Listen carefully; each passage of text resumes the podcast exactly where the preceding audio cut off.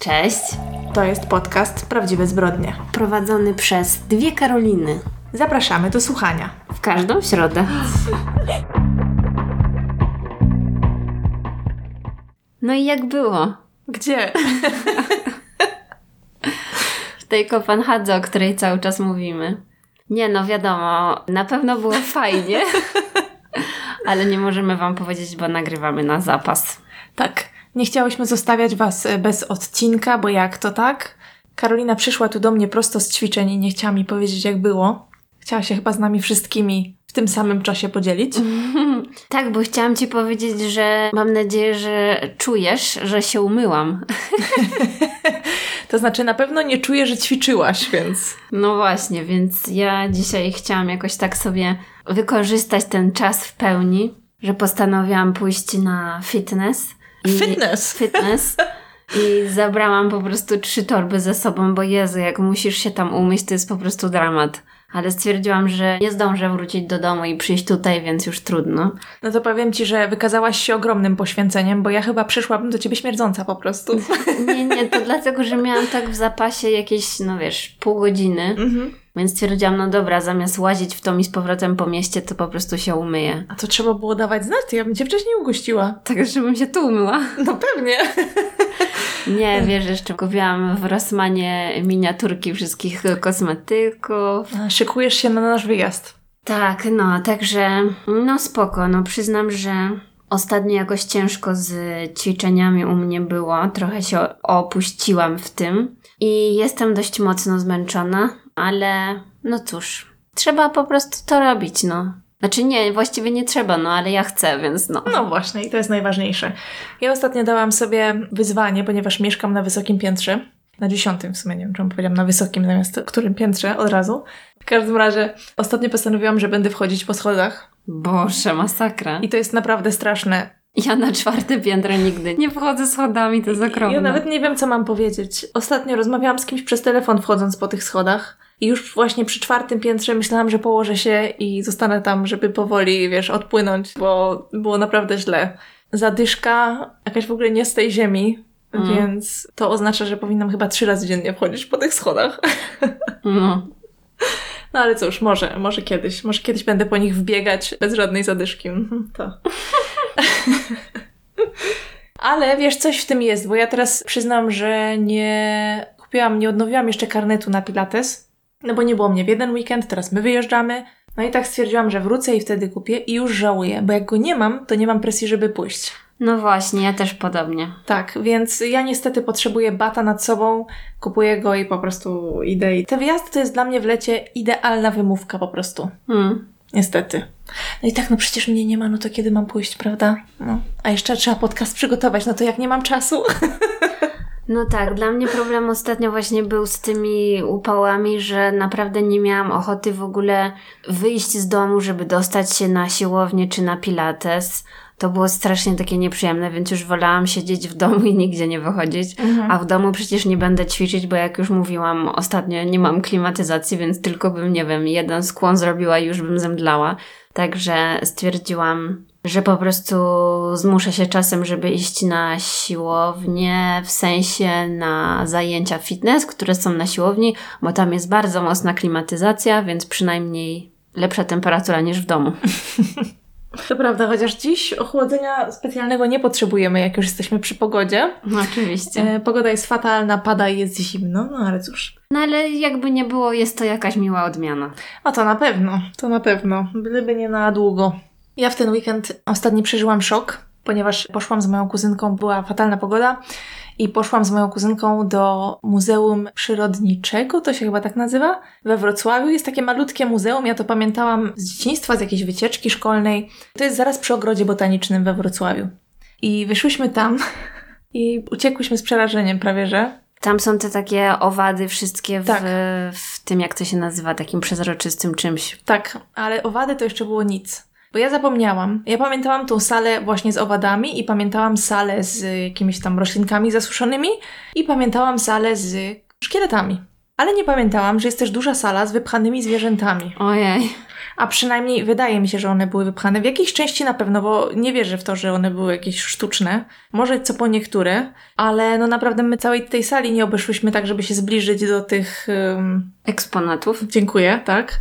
Aż mi zabrakło słowa, bo po prostu to było tak przerażające, że tylko tak stałyśmy po prostu i bałyśmy się odwrócić, co zaraz zobaczymy. Hmm. I tak pamiętam, że przy wycieczkach z przeszłości byłam w jakimś tam muzeum, wiesz, historii naturalnej, jednym czy drugim i tam też były takie rzeczy, ale to wszystko było jakoś tak inaczej zaaranżowane, że były takie duże gabloty, gdzie te eksponaty były wstawione w takie powiedzmy coś udające ich naturalne środowisko, wiesz o co no. mi chodzi i to nie było tak aż rażące, bo tutaj po prostu te zwierzęta, na przykład taki wielki orangutan albo tygrys, albo coś po prostu było na takim białym tle, jedno obok drugich i to było straszne. Straszne. Moja kuzynka tylko się na mnie patrzyła, ja na nią i obeszłyśmy te mniej groźne rzeczy i uciekłyśmy stamtąd na lody, także było to dosyć ciekawe i jest mi przykro, że zgotowała mi taki los. Ja tylko z tego pamiętam motyle. To no. nie było takie złe. No nie, chociaż ja przyznam, boję się motyli. Okej. Okay. To znaczy są piękne, ale z daleka, jak podlatują do ciebie z tym włochatym brzuszkiem, to mnie odrzuca. A ćmy to już w ogóle. Niestety. No w każdym razie byłam bardzo zaskoczona. Nie wiedziałam, że jestem aż tak wrażliwa. No to w takim razie ja tam na pewno nie pójdę. to znaczy, wiesz, umówmy się, to muzeum ma dwa piętra i to takie malutkie, to jest naprawdę małe. Ale stwierdziłam, a, że kręciłyśmy się w mieście w niedzielę, a to chodźmy tam, prawda? Było beznadziejnie, lało, więc czemu nie? No i nie, to był błąd. Ale widziałam, tam mnóstwo dzieci małych było, właśnie przez to, że pogoda była beznadziejna. I małe dzieci jednak y, tak fajnie na to reagowały. W sensie, no wiesz, nie wiedziały chyba do końca na co patrzą, tak mi się wydaje. Mhm. Nie y wiedziały, że to są zabite zwierzęta. Wydaje mi się, że nikt mi tego nie powiedział. E, przynajmniej nie słyszałam niczego takiego w rozmowach i z zaciekawieniem tam patrzyły, wiesz, na te wszystkie rzeczy. Więc no nie wiem, może po prostu nie wiedziały. No w każdym razie szok i niedowierzanie. A ty jak spędziłaś ostatni czas? No widzisz, ja też w weekend miałam całkiem ciekawą przygodę, bo pamiętasz jakieś parę miesięcy temu rozmawiałyśmy tutaj w podcaście o odcinku Kuchennych Rewolucji, który dział się we Wrocławiu. Pamiętam. I zrobili tam taką American Diner. Mhm. No i mój chłopak to bardzo mocno zapamiętał i naprawdę przez ostatnie kilka tygodni cały czas mówił, że w weekend musimy tam iść na śniadanie, na pancake'i amerykańskie, bo tam w menu właśnie są pancake'i, dolewka kawy, coś tam, coś tam. No i zresztą też mówiłyśmy w tym odcinku podcastu, że no chętnie się tam wybierzemy, no to dobra. I w końcu, jak mówiłaś, pogoda była kiepska, więc w sumie też nie mieliśmy co robić, no to postanowiliśmy w końcu tam pójść.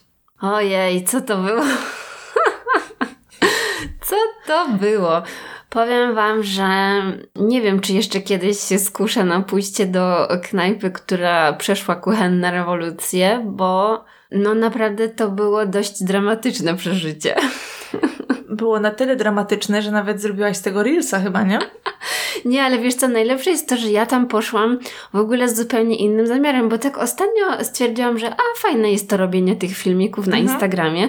Po prostu chyba natłok ich i to, że wszyscy tak cisną, te Reelsy, te TikToki, to wszystko, tak mi to weszło do głowy, że jakoś już ten format coraz bardziej się z nim oswajam, wiesz o co mhm. chodzi. No tak, ciężko się przed tym bronić. No i stwierdziłam, że a, no to sobie coś tam nagram. I ja to nagrywałam wszystko od początku. Oczywiście mój chłopak nienawidzi, myślę jak każdy chłopak, dziewczyny, która lubi Instagram, po prostu nienawidzi, kiedy ja cudzysłów siedzę w telefonie. ja tylko wyciągałam ten telefon, już tam idziemy. Ja sobie myślę, no dobra, fajne będzie, zrobimy taki super filmik, że mamy taką przygodę z kuchennymi rewolucjami w tle. Nie wiedziałam, że to będzie taki horror. On Dodałaś czas... chyba nawet taką muzykę chyba, nie? Tak, tak, specjalnie to zrobiłam. No, także miałam zupełnie inny zamiar. W ogóle chciałam zrobić taki pozytywny filmik, nie? Że tutaj sobie jesteśmy, jemy fajne pankejki, jestem zadowolona, koniec. Niestety, wyszło zupełnie inaczej, ale no jest co wspominać, bo przyznam, no jakby nie będę mówić, bo tak nie chcę być hamska tutaj, nie wiem, żeby to jeszcze gdzieś tam do kogoś dotarło, wolę nie mówić za dużo, ale no cóż, powiem tylko tyle, że jedyne co mogliśmy zrobić to zabrać te pankejki do domu, żeby nie marnować już tego zrobionego jedzenia i po prostu je podać na nowo w domu. Bo to, w jaki sposób one zostały podane, to, no nie wiem, wahaliśmy się, żeby po prostu stamtąd nie wyjść. No bo wyobrażasz sobie zjeść takie suche, po prostu pancake, jakby suche racuchy bez niczego. Nie, no wyglądało to dosyć dziwnie. Nie wiem, mam nadzieję, że to było jakieś jednodniowe potknięcie, że może kucharz się przeziębił albo coś. Nie no, wiesz, to wyglądało tak, jakby oni kompletnie zaku... Dobra, już nie chciałam mówić, no ale dobra, powiem. To wyglądało tak, jakby oni w ogóle zakupów nie zrobili. Wiesz o co chodzi? Jakby brakowało im totalnie wszystkich składników. Mhm. To już mogli powiedzieć, że no sorry, albo iść do żabki obok i kupić chociaż tego banana, no nie wiem, cokolwiek. No. Bo to było nazwane w karcie y, pankejki z owocami, a my tak, a przepraszam, gdzie są te owoce? Ale było to śmieszne, muszę przyznać. Także może jednak nie taka zła ta przygoda. No i kreatywnie się mogłam e, wykazać na Instagramie, czyli to, co lubię najbardziej. Czyli wszystko, widzisz, było po coś. Mhm.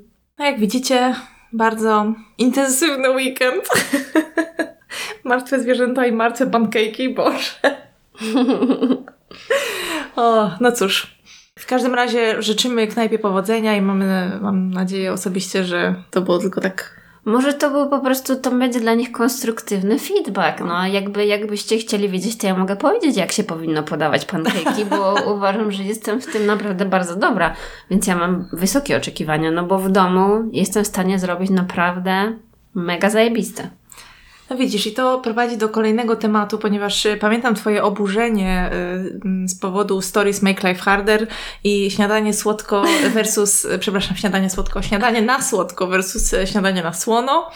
Ale za każdym razem, bo ostatnio dużo osób na Instagramie robi takie ankiety i widzę, że naprawdę większość polskiego społeczeństwa jest za śniadaniem słonym. Mi się to w ogóle w głowie nie mieści. Ja jestem również w tej ekipie. Masakra. Jak dasz mi do wyboru pankejki versus twarożek, ja zawsze wybiorę twarożek. O Boże. Więc e, przykro mi. I dlatego ja na przykład mam problem, ponieważ ja nie jadam jajek. Od wielkiego dzwona zjem, wiecie, świąteczną sałatkę z jajkiem, bo to lubię, ale generalnie jajek nie jadam. I nie przepadam za nimi za bardzo, więc dla mnie wychodzenie na śniadanie często łączy się z tym, że jak coś zamawiam, to muszę prosić, a mogę wymienić jajko na to, a mogę, w sensie, wiesz, pytam się zawsze, czy, Mm. czy są jakieś opcje, bo często niestety wszystkie śniadania na słono są z jakąś formą jajek. No tak. No Tak. ogólnie ludzie uwielbiają jajka na śniadanie. No. Ja też nienawidzę, szczerze. Dlatego chyba jedyna opcja dla Ciebie to jest chodzenie do wegańskich po prostu miejsc. No tak, tylko z drugiej strony dla mnie też nie jest zabawą dostanie 14 past do chleba. Yy, wiesz o co mi no, chodzi. no. Przykro mi, ale to też nie jest to. I faktycznie wtedy wybieram często słodkie śniadania, bo wiesz, to też nie jest tak, że ja nie lubię pancake'ów, ale jednak dla mnie to jest w pewnym sensie deser do śniadania. Wiesz, ja bym zjadła takiego jednego, a nie stos. Mm. Ale rozumiem, rozumiem. I pamiętam jeszcze, jak dawno temu jadłam mięso, to pamiętam, że Z boczkiem. tak, boczek i syrop klonowy udało mi się kilka razy zjeść takie śniadanie i było wyborne. Natomiast wegański boczek jest niedobry zazwyczaj, bo próbowałam kilka razy, także no. To ciekawe, co będziesz jadła w Kopenhadze na śniadanie, bo tam to tylko słodkie bułeczki. No tak, ale wiesz, croissant to jest inna kategoria, umówmy się na przykład dla mnie, więc ja takie śniadanie akceptuję. Natomiast wkrótce potem trzeba zjeść znowu coś, bo na ile ci to starczy, nie? No, Oj tak, no jedzenie niestety, no cały dzień trzeba to robić. Dokładnie. I na to, na to liczę, że tak będziemy robić. O, jeszcze jagodziankę mogę zjeść na śniadanie ostatnio, to też mi wchodziło.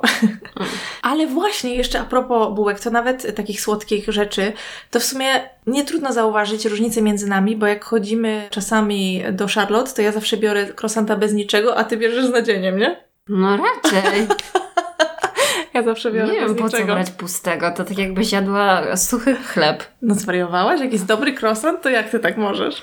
Jestem ciekawa, jakie wy wolicie śniadanie i jakie wy wolicie rogaliki francuskie. Nie no, już jest tyle podziałów w tym kraju, nie twórzmy więcej. Masz rację, to jest poważna sprawa w sumie, te śniadania, no. Bo ja zaraz wszystkich zablokuję, którzy powiedzą, że wolą, nie wiem, parówki na śniadanie. Tylko słodka owsianka. No dobra, jakby nie wiem szczerze powiedziawszy, co tu się dzieje. Czy jesteś głodna? Bo ja nie jadłam obiadu, może Ja dlatego. też jestem trochę głodna, to chyba dlatego zeszłyśmy na ten temat. No ja jadłam obiad, ale jadłam go o 12.30, więc to się jakby nie liczy. Jest teraz 19.40, więc Mhm. dawno temu. Chociaż też muszę powiedzieć, publicznie oskarżyć mojego narzeczonego o tortury, ponieważ wrócił dziś z zakupów przed twoim przyjściem i przyniósł torbę słodyczy. O, Zapytałam się go, czy mnie nie lubi. W sensie, no, wspaniale, że kupuje, ale ja jednak jak są w domu, to ja je jem, dlatego kupuję je rzadko, mm. bo to jest mój problem. no u nas jak słodycze są, to bardzo krótko, bo zaraz je jemy. I o to mi chodzi. Niestety. Zresztą widzisz, co on robi z tymi miskami cukierków. Ale dzisiaj nie dostałam, muszę zaraz Dostaniesz się tam jak-. No. Dostaniesz, jeszcze nie wsypałam do miski, wiesz? No. Zresztą czeka cię kilka dzisiaj niespodzianek słodyczowych chyba. Wow. No dobrze. No to może już z tego jedzeniowego tematu przejdziemy do oglądania. No muszę przyznać, że ostatnio surfowałam sobie po Apple TV Mhm. I postanowiłam coś tam sobie obejrzeć, żeby wykorzystać jeszcze moją subskrypcję. No i trafiłam na całkiem ciekawy serial. Co prawda ocenę na Filmwebie ma kiepską, a ja go jeszcze nie skończyłam oglądać, więc w sumie nie wiem do czego to tam doprowadzi. Tak swoją drogą to właśnie widzę, że on po prostu wychodzi co tydzień, także jeszcze się chyba nie skończył. Ale serial nazywa się Spod powierzchni. W każdym razie jest to serial, który produkowała Reese Witherspoon. Gatunek to thriller.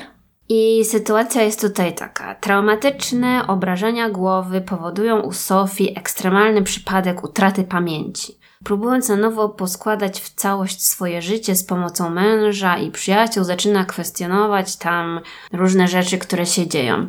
Więc ogólnie ciekawe. No i tam jest y, trigger warning już chyba przed pierwszym odcinkiem, bo chodzi o to, że ona doznała tego wypadku, ponieważ próbowała popełnić samobójstwo. Mhm. No i tam wpadła do wody, dlatego taki tytuł. I w związku z tą traumą straciła pamięć. Taki trochę w sumie wątek telenowelowy. Dawno już nie widziałam właśnie żadnego serialu z wątkiem, że ktoś stracił pamięć, no nie? Mhm. Kiedyś to chyba było bardziej popularne. W każdym razie tam główną rolę gra taka brytyjska aktorka, która nazywa się Gugu Bata Rowe. Ona jest taka znana z wyglądu. Bardzo ładna aktorka, dobrze się na nią patrzy, fajnie gra. No i dużo jest tam takich tajemnic, faktycznie nie wiadomo, co się wydarzyło z tym jej wypadkiem. Akcja dzieje się w San Francisco, mają piękny dom, piękne krajobrazy, no i tak wiesz, no tam tajemnica się rozwija, także pewnie nie wszystko jest takie, jak się wydaje. Na razie w sumie zapowiada się fajnie. Właśnie jest taki trochę w stylu, jakby, no widać, że Że Riz robiła. tak, tak, bo jakby jest w tym taka jej nutka luksusu. Mhm. Wiesz. No ona jest dobra, no. Także tak. W sumie polecam, jeżeli macie dostęp. Co prawda nie wiem, jak to się skończy, no ale chyba nikt nie wie, bo jeszcze się toczy. Mhm. Czyli jeszcze zrecenzujesz całość. Jeżeli będzie warto, to tak. Okej. No dobrze, no ja oczywiście skończyłam Małe Ogniska. Serial w całości mi się bardzo podobał. Jednak oczywiście, jak zaczęłam rozkładać go na części pierwsze w głowie po obejrzeniu całości, to stwierdziłam, że większość dzieci Reese Witherspoon w tym serialu mnie irytuje. Mm. W sensie ich gra aktorska. No Reese wiadomo, no nie mogę się czepiać, ale generalnie serial mi się podobał, oglądało się go bardzo dobrze. Poza tym obejrzałam coś, co ponoć jest hitem wśród nastolatek. Proszę mnie nie oceniać. To jest film Netflixa, który trwa, uwaga, dwie godziny Wow. i nazywa się Purple Hearts. No. Generalnie film jest o tym, że e, młoda dziewczyna, która pracuje w knajpie, ma cukrzycę, oczywiście ma za małe ubezpieczenie, to się dzieje w Stanach, jest y, piosenkarką, muzyczką, chce karierę zbudować, no ale wiadomo, ma też te problemy ze zdrowiem i tak dalej. No i spotyka chłopaka, który wstąpił do wojska, do Marines, przez jakiegoś tam swojego przyjaciela y, z lat dzieciństwa. Jest to romans z małżeństwem z rozsądku w tle, Okej. Pełno tragedii, mnóstwo takich, wiesz, kliszej e, scen. Początek jest trudny do przebrnięcia, to przyznam. Pierwsze 15 minut to tak myślałam, nie, wyłączam, wyłączam, to jest przesada, wyłączam. A potem się już robi trochę lepiej. Mhm. Dalej jest to film a la Disney, myślę, tylko dla trochę starszych, ale generalnie na odmurzenie późno wieczorem było bardzo dobre. No, trochę to brzmi jak szkoła uczuć. No nie jest to szkoła uczuć, ale no powiedzmy. Dużo wątków podobnych. W sensie ta choroba i to, że śpiewa, to wszystko od razu mi się kojarzy z Mandy Moore. Tak, to nie, to ta jest taką rockmenką. Mm, okej. Ta jest, e, wiesz, rockmenką i tyle powiem. Ale już rozumiem skojarzenia, już rozumiem dlaczego tak myślałaś. Nie, nie, nie, to, to pod tym względem nie jest podobne. Natomiast myślę, że ten styl filmów generalnie wraca. I bardzo dobrze. Kiedyś uwielbiałam takie rzeczy oglądać, więc no. W każdym razie, poza tym na Amazon Prime wróciło coś, co kocham, czyli Making the Cut z Heidi Klum i Timem Gunnem, czyli amazonowa wersja Project Runway. Mhm. To jest sezon trzeci. Dziś sprawdzałam, są dwa odcinki. Jak na razie nie ma więcej. Ja jestem bardzo podekscytowana, uwielbiam ten program. Zresztą ja uwielbiam wszystko, gdzie jest Team Gun. Jest wspaniały, więc jeżeli przegapiliście początek, a też lubicie takie programy, to koniecznie oglądajcie oczywiście, żeby nadal go robili. No i fajnie. Tak, ale wiesz, naprawdę mają w tym roku takich tam tych członków jury w tych dwóch pierwszych odcinkach jest Jeremy Scott mm. i jest Nicole Richie, bo przecież ona ma tą swoją markę, tam to House of Harlow 1960 czy coś takiego. Mhm. Także, no, nie, naprawdę spoko. Ja bardzo lubię. Przeżywam oczywiście... Aha, no i najważniejsza rzecz, Specjalnie dzisiaj się tak spinałam, żeby jeszcze zdążyć, ponieważ dziś wychodzi, czy wyszedł w zasadzie pierwszy odcinek Rodu Smoka, więc jeszcze zdążyłam obejrzeć przed e, naszym spotkaniem. Mm. Obawiam się, że będę musiała go obejrzeć jeszcze raz, bo tak naprawdę z przerwami go oglądałam, żeby zdążyć. Poczułam jakąś straszną presję. No to już i tak jakby twoja recenzja i tak będzie spóźniona. Tak, no wiem, wiem, wiem, ale generalnie jakoś tak, takie wiesz, miałam jakąś potrzebę straszną, żeby już to obejrzeć. Jak zobaczyłam, że wyszło, myślę, Boże, po co komu praca? Szybko! Aha, okej, okay, okej. Okay. Wiesz, ale oczywiście wstrzymałam się i, i dopiero po pracy obejrzałam. No i co, zapomniałam jaka ta cała seria jest brutalna, już mi się przypomniało. To nie jest akurat moja ulubiona część tego wszystkiego. No zobaczymy, jak się ta historia rozwinie. Jak na razie mi się podoba oczywiście, no ale wydaje mi się, że tak to jest z takimi kontynuacjami, że jak ktoś lubi oryginał, czy tą pierwszą rzecz, która powstała w danym świecie, no to te pozostałe też jakoś będzie lubić, tak? Bo będzie patrzeć na to przez jakiś sentyment na przykład, prawda? A są ci sami aktorzy? Nie, nie, nie, nie, nie. To jest zupełnie coś nowego. To są wydarzenia 200 lat przed Grą o Tron. I co, nikt nie żył wtedy? nie. Jak widzicie, Karolina wie dużo na temat Gry. Nikt z bohaterów Gry wtedy nie żył. Tych, Oni których nie widać na. Nie, tych, których widać na ekranie przynajmniej, nie. Okay. Chociaż tam, wiesz, w Grze faktycznie jest kilka takich osób, które żyją trochę dłużej niż e, standardowy człowiek. Także. No to fajnie. nie no, przykro mi, że nie jestem na czasie, ale nie będę tego oglądać. No chyba, że jeszcze ktoś mi kiedyś to wytknie, kiedy za 10 lat obejrzę hmm. grę o Tron, ale no nie. Także będziesz musiała się tym emocjonować w podcaście z, ze słuchaczami. Tak, tak. No właśnie, może ktoś z Was też będzie oglądał to, chociaż tyle. Ale wiecie, obejrzałam to i potem żałowałam praktycznie od razu, bo jednak chyba nie wiem, czy nie spróbuję się znowu powstrzymać i nie obejrzeć potem tego wszystkiego na raz, albo jakoś na dwie części, bo to czekanie z tygodnia na tydzień jest straszne. No dobrze, to teraz y, nie mogę się doczekać, co dla nas przygotowałaś. Ja dziś zabiorę Was do Australii. Przeniesiemy się do roku 2018. 10 sierpnia 2018 roku kobieta, która nazywa się Hannah Quinn, wyszła z domu e, swojego chłopaka. Ten dom mieścił się w Forest Lodge, to są przedmieścia Sydney. Oczywiście ciche, spokojne miejsce, jak to zwykle bywa. No rzeczywiście, jak tam widziałam na jakichś nagraniach, no to ładne miejsce, dużo drzew, domy. No i Hanna wyszła tego dnia do lokalnej knajpy, bodajże po jedzenie. Kiedy wracała, zobaczyła, że pod domem przy bramie kręci się jakiś mężczyzna, jakoś tak się dziwnie zachowuje, no ale wzruszyła ramionami i poszła do środka. No i po chwili ten sam nieznajomy, tylko że już zamaskowany, y, z kominiarką na głowie, wtargnął do ich domu i zaczyna grozić im bronią. Jej i jej chłopakowi, który nazywa się Blake Davis. Był ubrany cały na czarno, miał czarną kominiarkę, jak już wspominałam, miał czarne rękawiczki, machał pistoletem i żądał pieniędzy i cennych przedmiotów. Oczywiście kobieta, czyli Hanna, zaczyna krzyczeć, y, krzyczy, żeby się wynosił. Jest bardzo nerwowa atmosfera. Blake krzyczy do tego napastnika, że w domu nie ma żadnych pieniędzy. No i ten napastnik tak celuje najpierw w Blake'a, potem w tą Hanę, no więc y, Blake jakby tak staje przed Haną, żeby ją odsłonić, y, wiesz, przed tym napastnikiem, który do niej celuje. Ten dalej tam macha, grozi, mówi, że zrobi im krzywdę.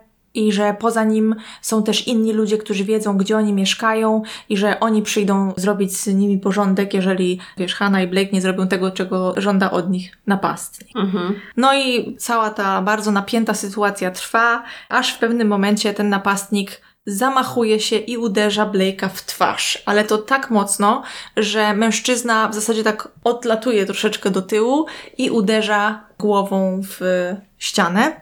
Napastnik zaczyna szarpać e, Hanę za ramię, bo ona na ramieniu cały czas ma torebkę jeszcze, z którą wróciła. I ona zaczyna się z nim o tą torebkę szarpać. On ciągnie za torebkę, a ona ciągnie za niego i próbuje go zatrzymać i, i wiesz, tą torebkę mu odebrać. On tam wrzeszczy, żeby ona tą torebkę puszczała.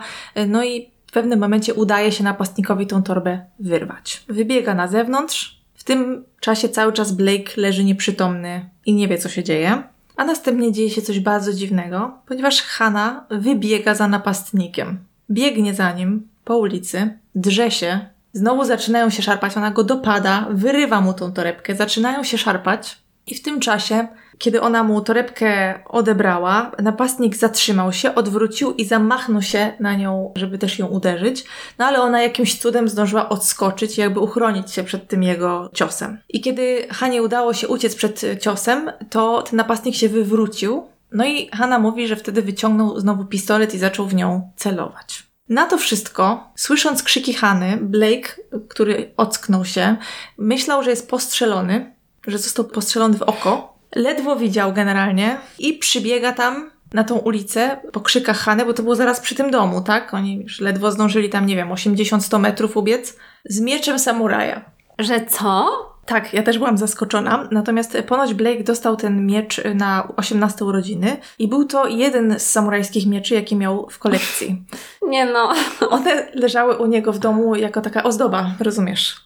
No, do czegoś się przydało. Tak, no więc on, jak słyszał te krzyki Hany i tam się, wiesz, przebudzał, to jakimś cudem, mimo to, że tam ledwo widział, przecież wiesz, miał całą twarz zakrwawioną, myślał, że dosłownie ktoś mu strzelił w oko, więc nie wiem, jakim cudem on miał chodzić, ale do tego, co mu się faktycznie stało, to przejdę zaraz. Wszedł do domu i chwycił pierwszą rzecz, która mu przyszła do głowy, czyli właśnie ten miecz samuraja. Wybiegł za krzykami Hany i mówi, że gdzieś tam, wiesz, jakimś cudem dojrzał, że są dwie postaci, jakaś szrapanina, generalnie zorientował się, że to jest Hana i napastnik. Dobiegł do nich, zamachnął się mieczem i uderzył tego napastnika. Już myślałam, że swoją dziewczynę.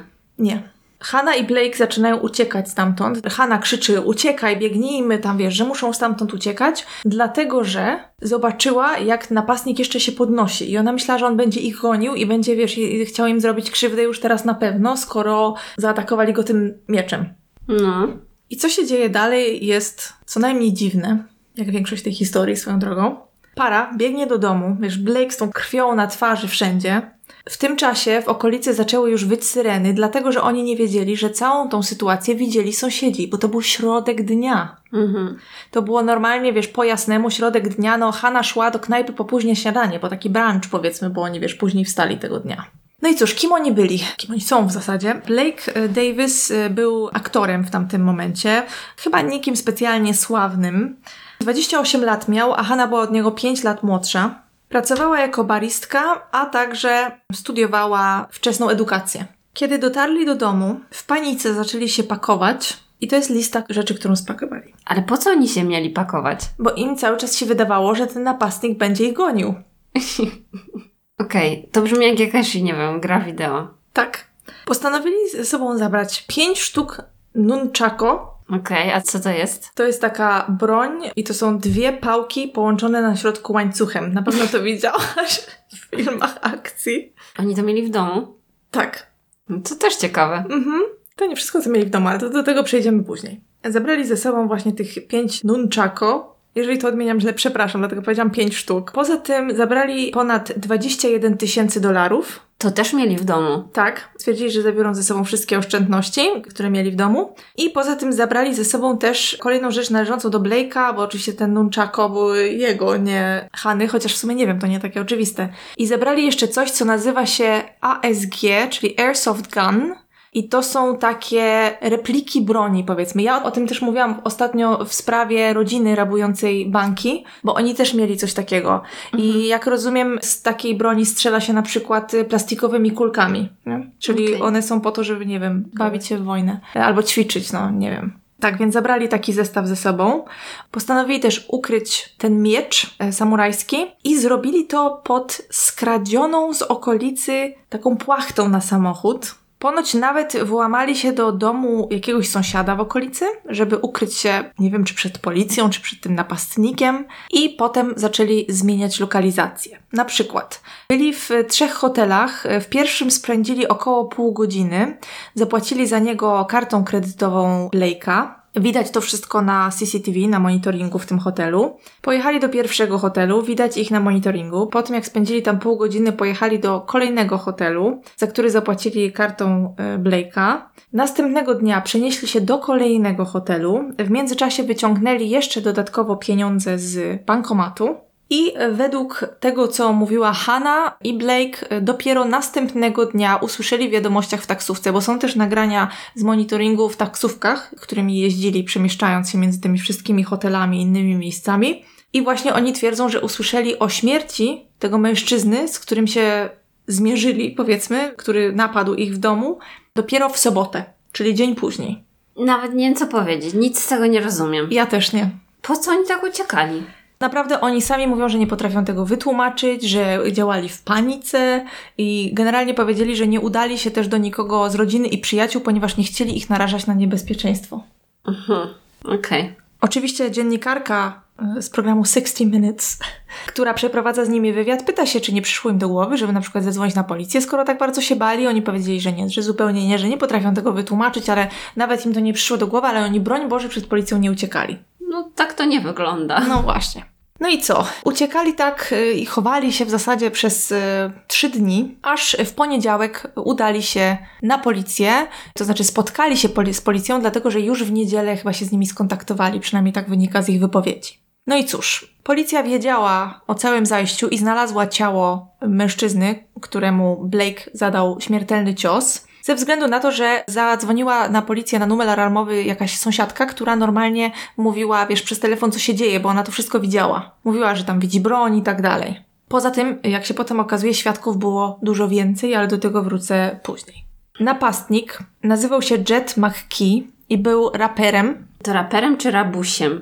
Właśnie chyba dwa w jednym, wiesz? Pani w programie 60 Minutes powiedziała, że jednym i drugim i że nawet widać było e, w jego teledyskach e, właśnie jakieś takie sceny inspirowane napaścią na dom. Poza tym to nie była pierwsza jego taka akcja. Podczas śledztwa okazało się, że w noc przed tym jak doszło do napadu, Jet był w kasynie, przegrał dużo pieniędzy i do tego napadu był doskonale przygotowany. Również są nagrania z monitoringu, na których widać właśnie to, że bawił się w kasynie, a poza tym, co miał ze sobą, już Wam mówię. Przygotował się do napadu, biorąc ze sobą gaz pieprzowy, trytytki, czyli te takie paski do związywania czy przyczepiania rzeczy, a także kastety i oczywiście pistolet, o którym wcześniej wspominałam.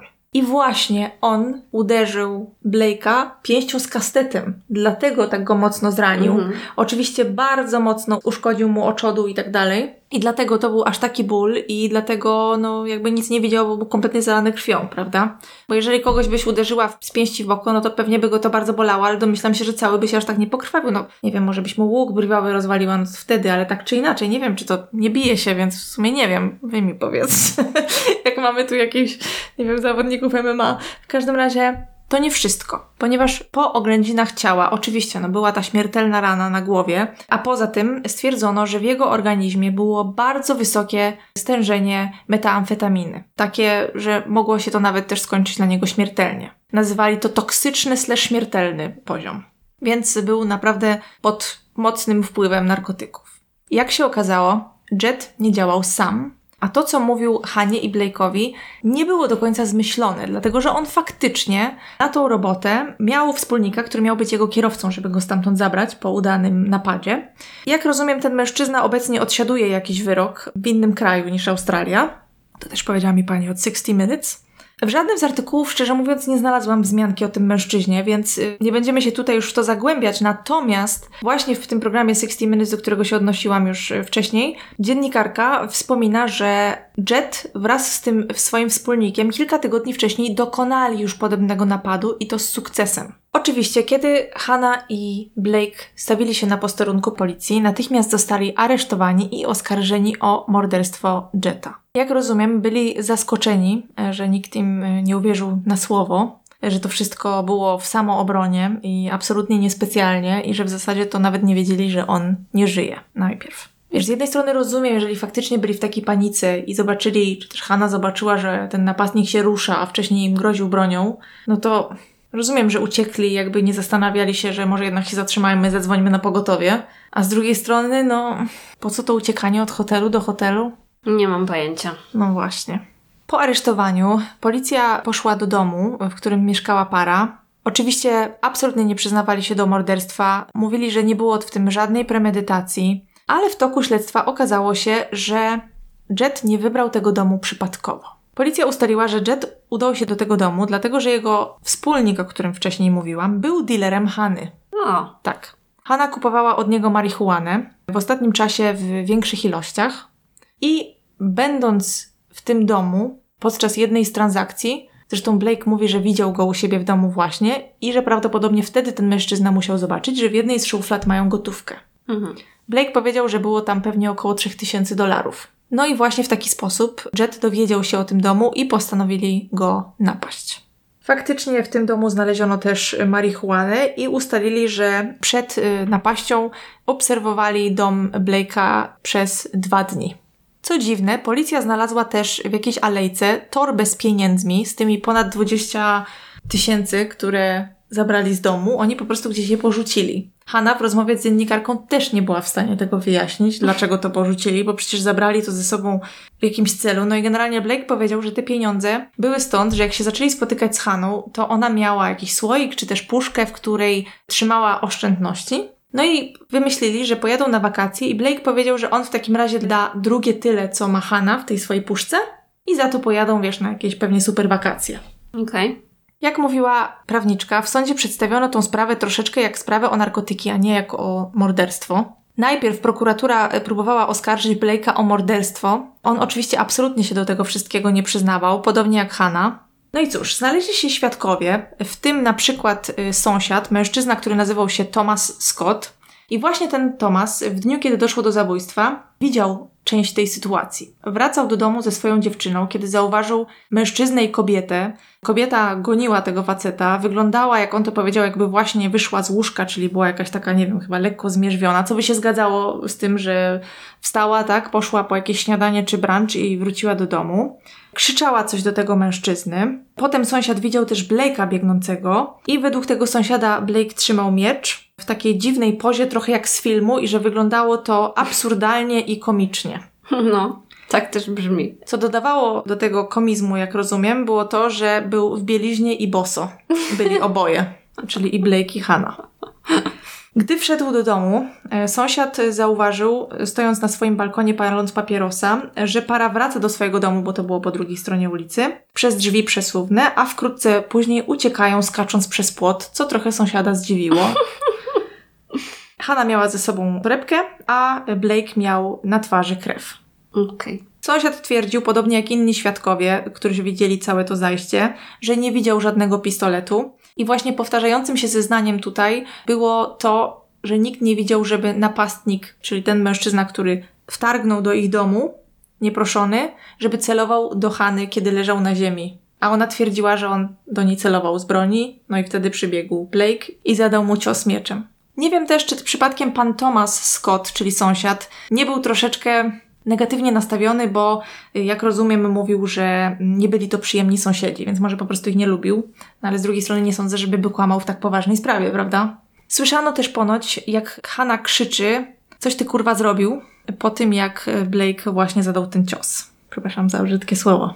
Oczywiście po angielsku, nie po polsku krzyczała.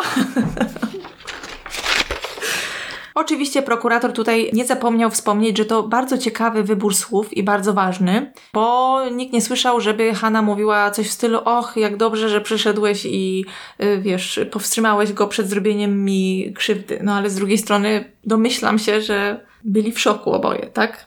W jednym z artykułów wyczytałam też, że strona oskarżycieli podważała wiarygodność Blake'a, dlatego że Blake, zresztą w wywiadzie w 60 Minutes też twierdził, że on w ogóle nie pamięta momentu zadania ciosu, ani tego, co było bezpośrednio po. Ale e, w jednym właśnie z artykułów wspomnieli, że prokurator w sądzie poruszył temat potajemnie nagranego telefonu, w którym Blake mówi, że mówi wszystkim, że nic nie pamięta, a wiedział dokładnie, co się dzieje.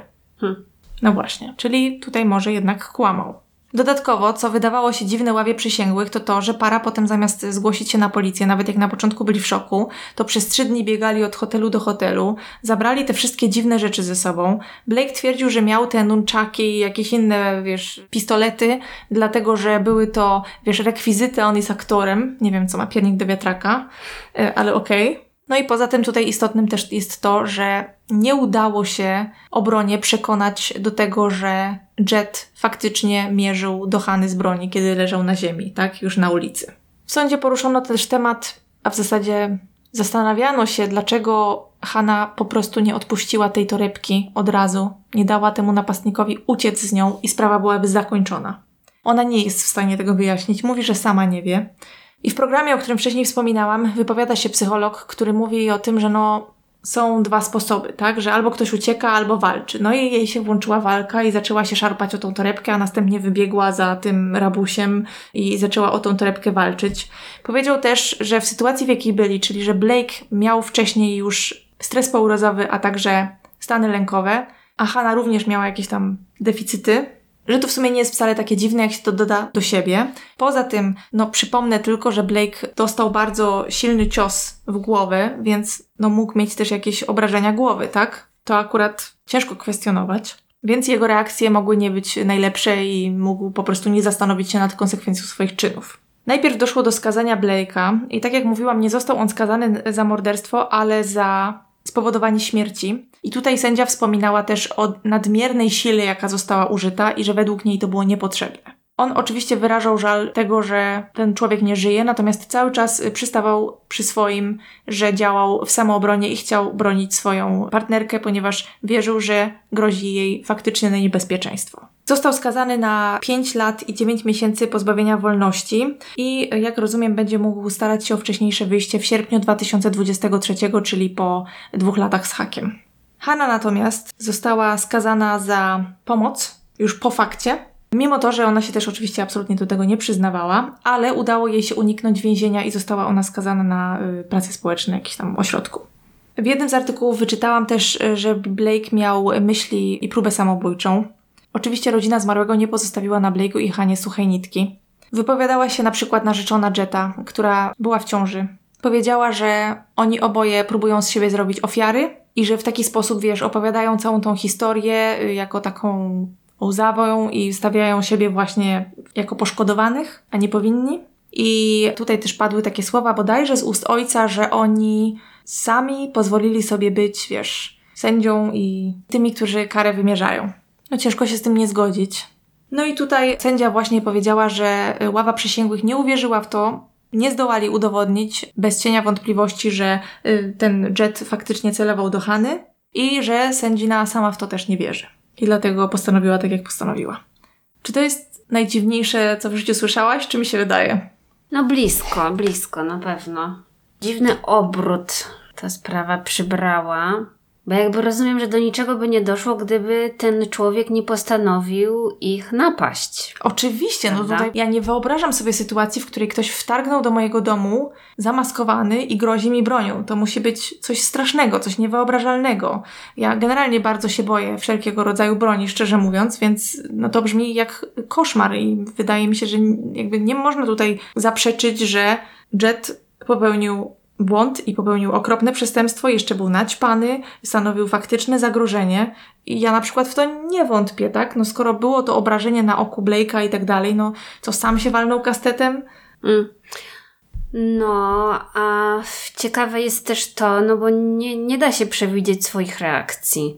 Może oni właśnie, nie wiem, no, za dużo się naoglądali filmów albo właśnie grali w jakieś gry dziwne, że zamiast zachować zimną krew, zadzwonić po policję, to oni postanowili walczyć sami, bo, bo czuli, że nikt inny im nie pomoże. A potem, jak już się wplątali w to wszystko, no to zaczęli uciekać. No, jedynie te hotele, prawda, to jest takie, no, mocno podejrzane. Po co by zmieniali hotele? No, jakby wiadomo, że próbowali się ukryć. Mhm. Myślę, że na ich korzyść działa to, że przynajmniej, no nie wiem, nie uciekli, tak? Nie próbowali wyjechać z Sydney. A pewnie w tamtym momencie udałoby im się to, tak myślę, tak? Zanim jeszcze policja wiedziała, kogo szuka, to domyślam się, że mogłoby im się to udać. Oczywiście tutaj w jednym z artykułów też wspomnieli o tym, to obrona Hany akurat mówiła, że no, ona pomagała Blake'owi, bo czuje się wobec niego lojalna i jakaś tam przywiązana do niego, ale wiesz, no, jak ma się nie czuć, jak bronią ją, tak? Jakby, no, no nie wiem, zresztą to nie zrozumie mnie źle, ale on pobiegł za nią, bo ona pobiegła za tamtym panem, więc to nie sądzę, żeby Blake chciał się bawić w samuraja, a ona była tam przez przypadek. Myślę, że po no. prostu to był jakiś niefortunny ciąg zdarzeń, który doprowadził do tragedii, bo nie wiem jak inaczej. Co się musiało dziać w ich głowach, naprawdę nie wiem, ale też myślę, że to po prostu była jakaś reakcja. Tak jak mówisz, no nikt nie wie, jak się zachowa w takiej sytuacji. Czy było to potrzebne? Absolutnie nie. No myślę, że to straszne, no i oni będą musieli z tym żyć do końca życia, tak? Będzie się to za nimi ciągnąć, o czym też zresztą sami mówią i wspominają tam o tym, że no codziennie gdzieś tam na nowo przeżywają to wszystko, co się wydarzyło. No ciekawe, może po prostu nie byli zbytnio wiarygodni, może coś było nie tak z ich jakby charakterem, no bo jeszcze doszły do tego te narkotyki, te ich dziwne zachowania, no ewidentnie coś tutaj nie grało. Tak. Ale tak naprawdę i tak nie dostali jakiejś wielkiej kary nie. za to, że zabili kogoś. Prawda? Nie dostali, ale ten Blake mówi, że on w ogóle ani razu mu nie przyszło do głowy, że zostanie nazwany mordercą przez kogokolwiek. Że on tak głęboko wierzył, że on to zrobił w obronie własnej, czy też w obronie swojej partnerki, że jak to wszystko się rozwinęło, bardzo go zaskoczyło. No, no nie wiem. Znalazłam też informację, że broń, którą groził Hanie i Blake'owi Jet, również była repliką. No w każdym razie oczywiście oni tutaj się wypierali, mówili, że absolutnie nie chodziło o marihuanę i nie dlatego uciekali, że nie uciekali też przed policją, tylko byli w takiej faktycznej panice przed tym, że ten napastnik ich dopadnie. Czy też jego współpracownicy. Naprawdę nie wiem, co mam powiedzieć. Jakaś to jest. Mm. Nie potrafię tego objąć głową chyba. No, jak dla mnie brzmi to tak, że za dużo filmów się naoglądali.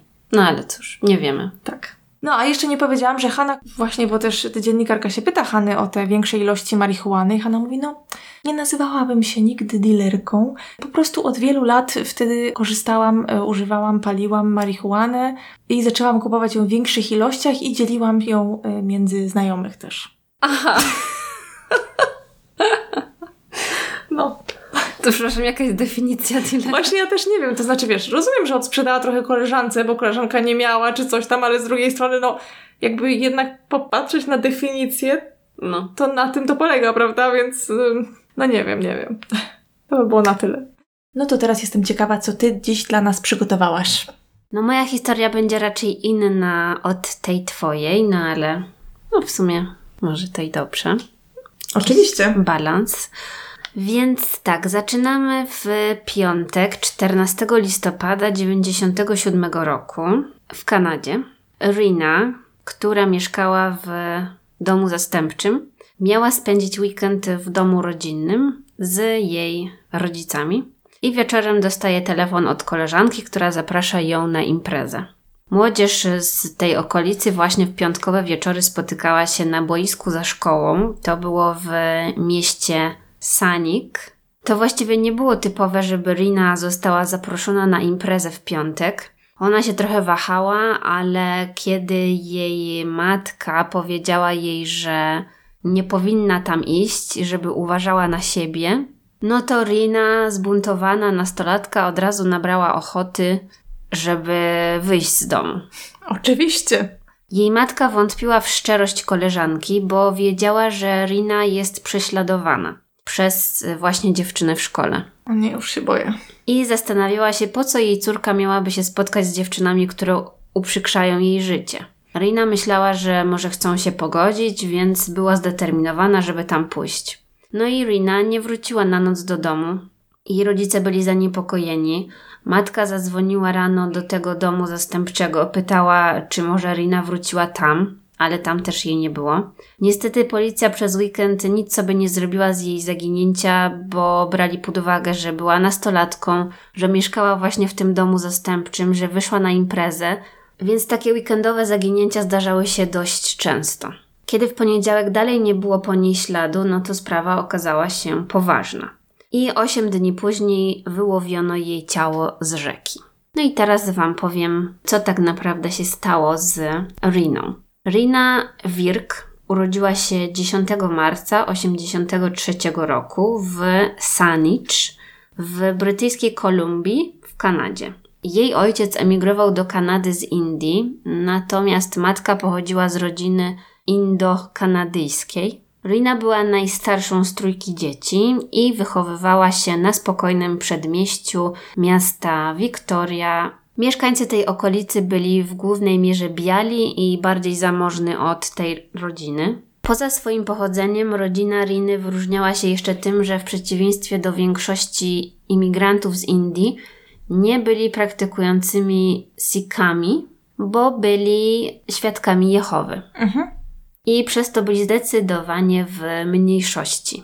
Rina przechodziła przez burzliwy okres dojrzewania. Przede wszystkim buntowała się przeciwko surowym zasadom swoich rodziców. Te zasady w głównej mierze wynikały właśnie z ich e, religii. I dorastając Rina nie była zbytnio popularna wśród e, rówieśników była prześladowana, między innymi dlatego, że powiedzmy nie miała idealnej figury. Według rówieśników. Tak. Miała inny kolor skóry. No ogólnie wyglądem powiedzmy wyróżniała się, no a wiadomo, że dzieci są okrutne i nie lubią odmienności.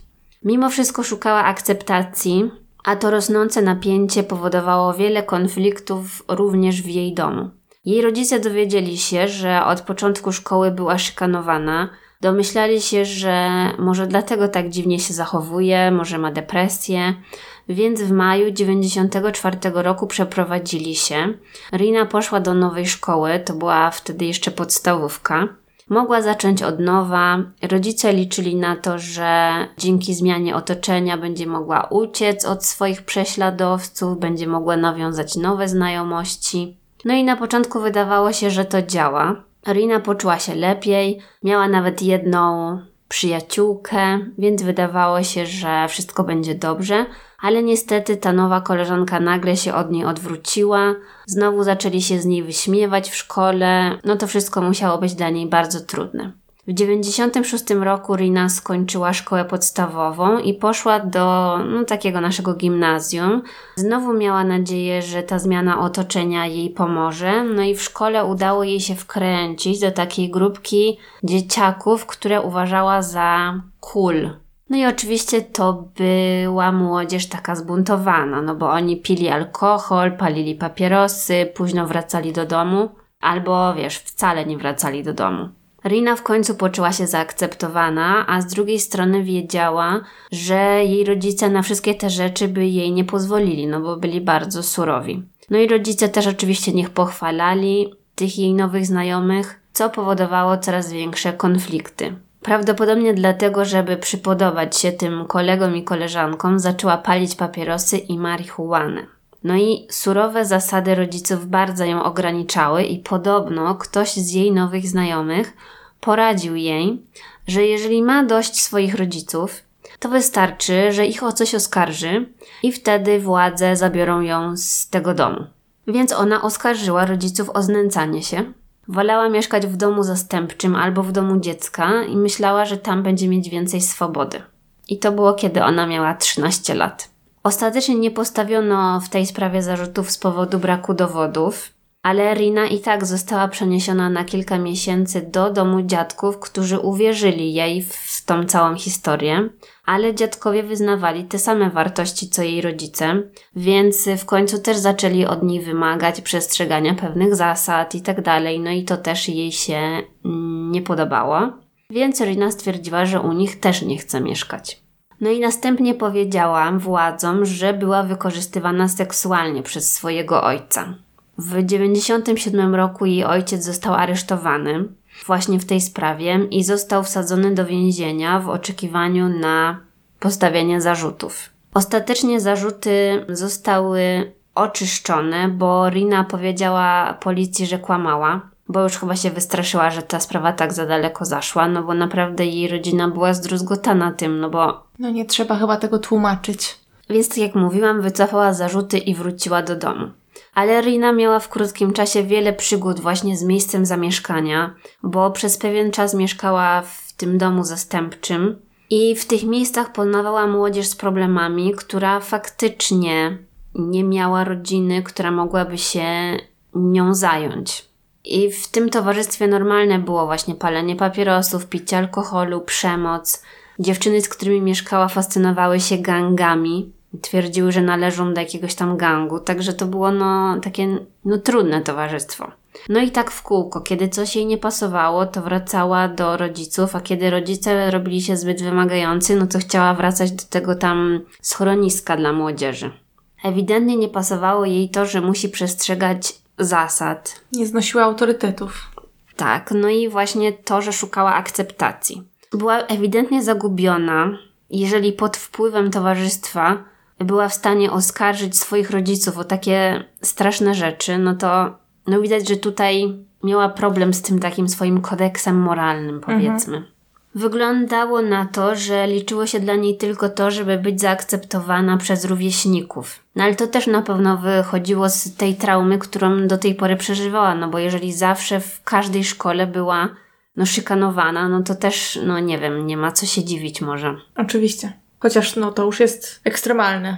No i jeszcze dodatkowo jest to, że być może właśnie wydawało jej się, że jest y, wytykana, powiedzmy, przez rówieśników przez to, jacy są jej rodzice. Mhm. No bo tak jakby od nich miała tą religię, od nich miała swoje pochodzenie, swój wygląd, więc jeżeli ktoś się z niej wyśmiewał, no to ona mogła obwiniać za to swoich rodziców, prawda? Mhm. Więc też dlatego chciała się na nich mścić. No jak mówiłam na początku, rodzice Riny od razu skontaktowali się z policją, kiedy nie wróciła do domu.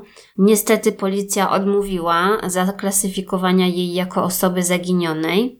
Poza tym oni też mieli informacje na jej temat. Wiedzieli, mhm. jak się zachowywała do tej pory, że kłamie, że ucieka z domu i tak dalej, więc no, to też nie była idealna sytuacja, żeby od razu jej zaczęli szukać. Ale kiedy w poniedziałek nie pojawiła się w szkole, to w miejscowym liceum zaczęły krążyć właśnie plotki o pobitej dziewczynie, która zaginęła, a nawet o jej morderstwie.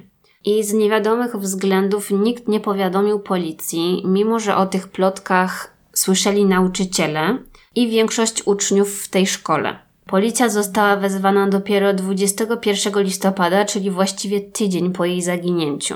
Kiedy policja przesłuchiwała młodzież, otrzymywali różne sprzeczne zeznania, stąd początkowo było im trudno zrozumieć, co tak naprawdę się wydarzyło.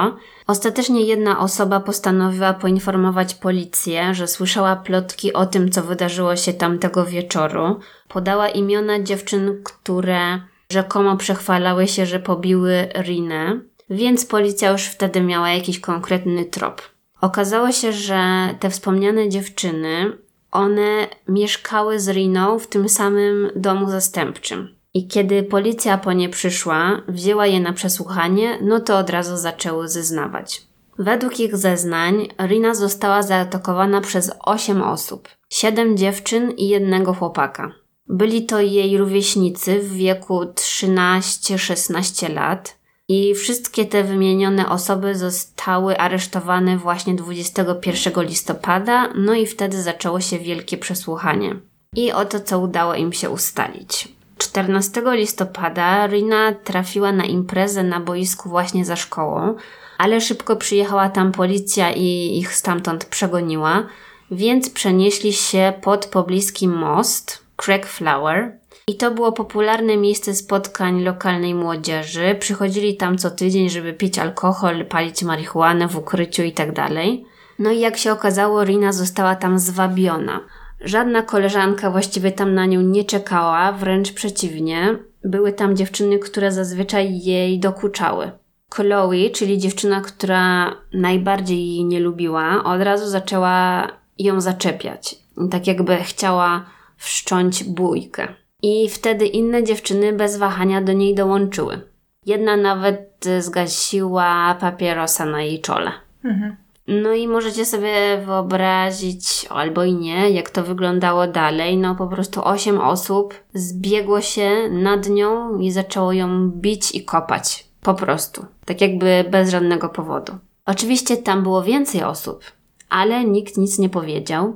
A ci, którym nie pasowała ta sytuacja, po prostu sobie poszli, bo nie chcieli, wiesz, Domyślam się, że to też mógł nie być pierwszy raz, y, kiedy widzieli taką bójkę w tym towarzystwie, skoro po prostu tak o sobie poszli, prawda? No to. Mm. No, ale właśnie świadków było więcej. Mm, w końcu jedna z dziewczyn, która tam wzbudzała jakiś respekt, zauważyła, że być może już przesadzili i powiedziała wszystkim, że już wystarczy i żeby przestali ją bić. No i wszyscy się posłuchali.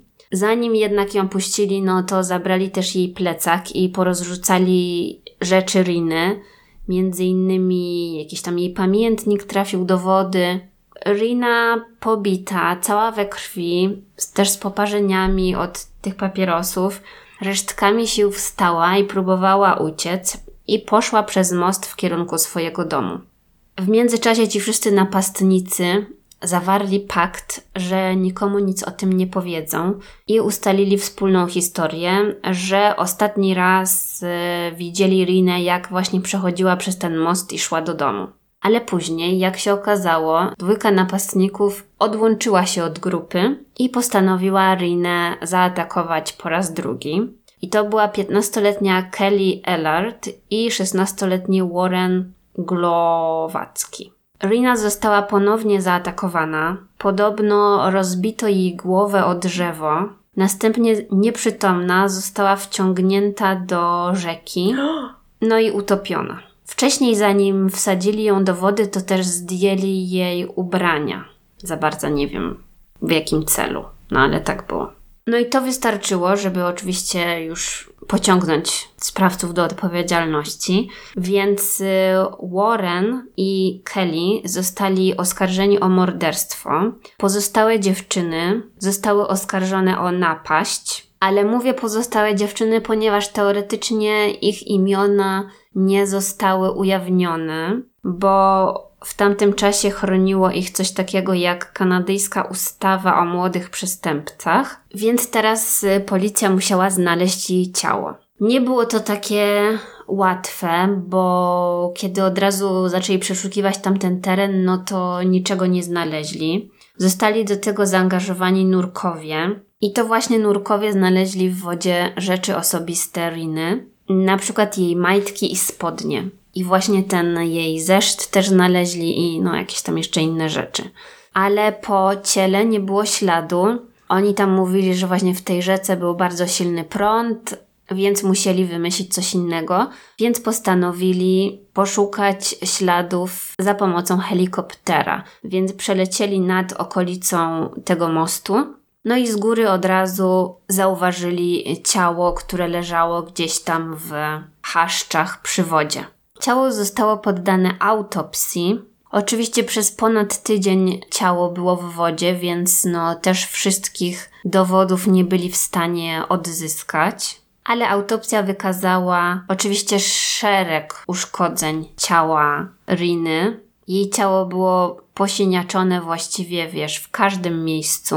I oglądałam jeden program właśnie na ten temat, gdzie wypowiadają się głównie mężczyźni pracujący przy tej sprawie, właśnie i nurkowie, policjanci i tak dalej. I no widać było, że naprawdę bardzo ciężko im było o tym mówić. Nawet y, jedna osoba powiedziała, że jej ciało wyglądało podobnie jak osoby, która uległa wypadkowi samochodowemu. Mhm. Że naprawdę było w strasznym stanie. Ostatecznie za przyczynę śmierci podano utonięcie. Ale koroner dodał też, że nawet gdyby nie utonęła, to prawdopodobnie nie przeżyłaby z powodu obrażeń mózgu. Mhm. Ale dla policji to oznaczało, że o zabicie Riny mogą oskarżyć dwie osoby. Te, które zaatakowały ją na końcu i właśnie były odpowiedzialne za jej utonięcie. Gdyby przyczyną śmierci było pobicie, no to wtedy byśmy mieli teoretycznie ośmiu morderców, prawda? No i pytanie, dlaczego do tego wszystkiego doszło? Z tego, co udało się ustalić rozmawiając z tą młodzieżą, to podobno motywem mogłaby tego całego ataku mogła być zemsta. Bo jak mówiłam, Rina mieszkała w domu z tymi dziewczynami i jedna z tych dziewczyn oskarżyła Rinę o kradzież książki telefonicznej. I podobno Rina wykorzystała tą książkę telefoniczną, żeby dzwonić do ludzi i opowiadać jakieś e, no, plotki na temat tej dziewczyny, do której należał ten zeszyt. Mhm. No ale to brzmi jak jakaś taka, no wiesz, głupota, jaką się zajmują trzynastolatkowie, no. No inna dziewczyna też powiedziała, że była zła na Rinę za to, że podobno ukradła jej chłopaka. Czyli po prostu próbowały się usprawiedliwiać. Tak, tak. Z kolei jeszcze inne osoby z tej grupy ewidentnie prześladowały Rinę z powodu jej pochodzenia. Na pewno, wiesz, słyszane były gdzieś tam komentarze odnośnie jej wyglądu i tak dalej. Właśnie to były jakieś dziewczyny i ten Warren również. No i dodatkowo jeszcze jest ten element fascynacji gangami, bo elementem chyba wspólnym wśród tych wszystkich osób było to, że oni się właśnie fascynowali tym klimatem gangów ze Stanów Zjednoczonych. Nie wiem, czy chodziło im o filmy, wiesz, jakieś takie rzeczy lubili oglądać. Jedna dziewczyna podobno uwielbiała tam Al Capone. Nie wiem, czy po prostu namiętnie Ojca Chrzestnego oglądali, czy co. Nie wiem. No w każdym razie, jak mówiłam, to była taka problematyczna młodzież też z powodu ich sytuacji rodzinnych. Więc no wiesz, jeżeli byli wychowani w domu, w którym była przemoc, no to te gangi jeszcze tak mi dają do myślenia, bo to pewnie chodzi o jakieś poczucie przynależności, prawda? Jeżeli nie mają rodziny, to mhm. szukają. Mhm. No właśnie, niestety. Jeżeli chodzi o sprawy procesowe, w lutym 98 roku sześć dziewczyn, które brały udział w tym ataku, zostały postawione przed sądem dla nieletnich. Trzy dziewczyny przyznały się do winy za tą napaść, a pozostałe trzy się nie przyznały. W każdym razie wszystkie zostały skazane. Kelly i Warren zostali oskarżeni o morderstwo i mimo swojego młodego wieku zostali potraktowani jak dorośli ze względu na brutalność tej zbrodni. No dlatego też mówię ich imiona tutaj bez żadnej tajemnicy. W kwietniu 1999 roku rozpoczął się proces Warrena, no i jego historia była taka, że oczywiście dorastał w trudnych warunkach. Jego rodzice często się przeprowadzali. Jego matka była alkoholiczką i właściwie była nieobecna przez większość jego życia. A w 1996 roku, kiedy jego rodzice się ostatecznie rozstali, to zamieszkał z ojcem w przyczepie. Rok później ojciec związał się z kobietą, którą poznał w Las Vegas i tam wyjechał. I Warren został w Kanadzie sam i mieszkał właśnie sam w tej przyczepie. Więc właściwie od roku nie miał chyba w ogóle żadnego opiekuna. I według jego zeznań dwukrotnie kopnął ofiarę w głowę podczas tego pierwszego ataku. I kiedy wszyscy się rozeszli, no to Powiedział, że razem z Kelly poszli za Riną i według niego to Kelly znokautowała ofiarę i poprosiła go o pomoc, żeby zaciągnął ją do wody i następnie potem Kelly ją utopiła, według niego. Rozumiem, że Kelly mówiła na odwrót. No, mniej więcej. W czerwcu 99 Warren został skazany za morderstwo drugiego stopnia i otrzymał wyrok dożywotniego więzienia, ale Dlatego, że w chwili popełnienia tego przestępstwa miał 16 lat, no to kwalifikował się do zwolnienia warunkowego po odbyciu 7 lat kary. Więc y, w listopadzie 2004 roku odmówiono mu pierwszej opcji na zwolnienie warunkowe, ale co ciekawe, rodzina Riny zgodziła się na jego warunkowe zwolnienie, ponieważ on wyraził skruchę i wziął odpowiedzialność za swój udział w tym morderstwie.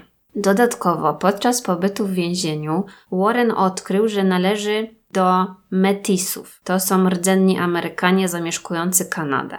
I odegrało to dużą rolę w jego zwolnieniu warunkowym, ze względu na jakieś tam kwestie prawne, mógł zawnioskować o włączenie tzw. Tak starszyzny do jego procesu o zwolnienie. Dzięki temu zastosowano na nim jakieś formy uzdrowienia i formy naprawcze, i rozumiem, że to miało tak jakby wpływ na jego resocjalizację, w sensie lepiej wyglądał przed tą komisją. I jednym z elementów tych form naprawczych było jego spotkanie z rodziną ofiary, i podobno wtedy ich przeprosił, i nawet wszyscy się przytulali. Także on dzięki temu został zwolniony warunkowo już w całości w 2010 roku. A jeżeli chodzi o Kelly, no to z nią był większy problem, bo ona pochodziła z normalnej rodziny, średniej klasy. Jej rodzice ją wspierali podczas rozprawy i tak jakby teoretycznie wszystko powinno być z nią w porządku. I właściwie nie wiadomo, co doprowadziło ją do popełnienia tego przestępstwa. Poza tym, że w jej szafce w szkole znaleziono rysunek policjanta, w którego wymierzane są jakieś takie pociski i z niego tak jakby leci krew. Mhm. Ale no nie wiem, jak to interpretować. Po prostu, że lubiła co, agresję? Nie wiem. Ale od obrazka do zamordowania to jest jeszcze daleka droga. No jasne. Jej prawnik poprosił o rozpatrzenie sprawy w sądzie dla nieletnich, bo w momencie popełnienia przestępstwa miała 15 lat, no ale to, jak mówiłam, zostało odrzucone. No i nie pomogło jej to, że właściwie nigdy nie wyraziła skruchy. No. no i jej tutaj sprawy procesowe są dość skomplikowane. Pierwszy raz została skazana za morderstwo drugiego stopnia w marcu 2000 roku, mhm. ale ten wyrok został unieważniony. Stwierdzono, że nie miała uczciwego procesu. Tylko, że podczas zwolnienia warunkowego, kiedy oczekiwała na nowy proces, została oskarżona o napaść, ponieważ pobiła 58-letnią kobietę. Co? Tak. W parku w Vancouver. No i po tym zdarzeniu wróciła do więzienia i w czerwcu 2004 roku rozpoczął się jej nowy proces. I tam świadkowie zeznali, że Kelly chwaliła się zabiciem Riny. Do tego przeciwko niej zeznawał też Warren. Powiedział, że widział jak Kelly topi Rinę w tej rzece. Kelly przyznała, że uderzyła ofiarę, ale nie przyznawała się do morderstwa. Powiedziała, że to Warren i dwie inne dziewczyny ją zabili ale ona była nastawiona bojowo podczas tego procesu. Ona zeznała, że wie, że zostanie skazana tak czy inaczej i że jakby jest jej, wiesz, wszystko jedno. Czyli jeszcze zrobiła z siebie ofiarę. Taką ofiarę, ale taką, wiesz, taką hamską, no nie wiem, nie za dobrze to wyglądało. Więc nie okazała skruchy, nie wyjaśniła w ogóle, dlaczego doszło do tego ataku. No i w jej sprawie ława przysięgłych obradowała przez pięć dni, nie mogli dojść do porozumienia, i w związku z tym doszło do unieważnienia tego procesu. Mhm. Znowu. No i już w skrócie powiem, że miała kolejny proces. Została skazana za morderstwo drugiego stopnia znowu, ale to wciąż nie był koniec, bo następnie sąd apelacyjny zarządził dla niej już czwarty proces, bo uznali, że sędzia z poprzedniego procesu udzielił ławie przysięgłych jakichś mylnych instrukcji. Mhm no i to trafiło do Sądu Najwyższego w Kanadzie, który podtrzymał tak czy inaczej ten wyrok, no i tak zakończyła się ta procesowa saga Kelly. Ale co ciekawe, ona w 2017 roku otrzymała zwolnienie warunkowe dzienne. Potem przyznano jej urlop z więzienia z noclegiem i wiele innych benefitów, i wyszło na to, że większość swojego wyroku odbyła tak jakby poza więzieniem.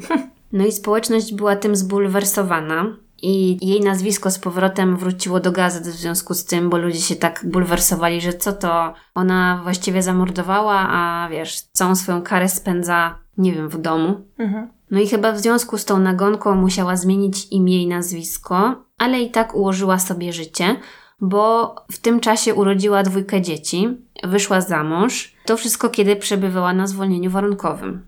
Ciekawe. Okej. Okay. No ale podobno przestrzegała już warunków zwolnienia, nie brała narkotyków, nie piła alkoholu i nie kontaktowała się z rodziną Riny, bo to chyba było mhm. w tych zasadach. No i gdzieś doczytałam, że ostatecznie Kelly zrezygnowała z ubiegania się o całkowite wyjście na wolność z więzienia. Stwierdziła, że wystarczy jej to zwolnienie warunkowe, dzienne, no więc ciekawa jestem właściwie, jak wygląda wychowywanie dzieci w takim systemie, bo co, nie wiem, czy ona w ciągu dnia jest w domu, a wieczorem wraca do więzienia? Nie wiem, mhm. jak to wygląda. No ciekawe, też nie wiem. No i na koniec powiem, że morderstwo Riny wywołało ogólnokrajową dyskusję właśnie na temat znęcania się nad dziećmi w szkole, no i też na temat rasizmu. Rodzice Riny po jej śmierci rozpoczęli wiele kampanii antyprzemocowych, zakładali jakieś programy związane właśnie ze szkolnictwem, dużo się udzielali w mediach i naciskali na szkoły w tej brytyjskiej Kolumbii, żeby wdrożyli tam antyprzemocowe jakieś środki. Także oni się bardzo zaangażowali w działanie na rzecz takich prześladowanych dzieci w szkole. No, także myślę, że jest to jedna z jakichś bardziej chyba brutalnych spraw w Kanadzie, bo nikt po prostu nie mógł tam uwierzyć, że dzieci zabiły dziecko. Mhm. No, także straszne. No straszny, tak. No cóż, myślę, że po tej historii nie ma jak tego podsumować, także po prostu musimy zakończyć. Dziękujemy za uwagę. I do usłyszenia w kolejnym odcinku. Do usłyszenia.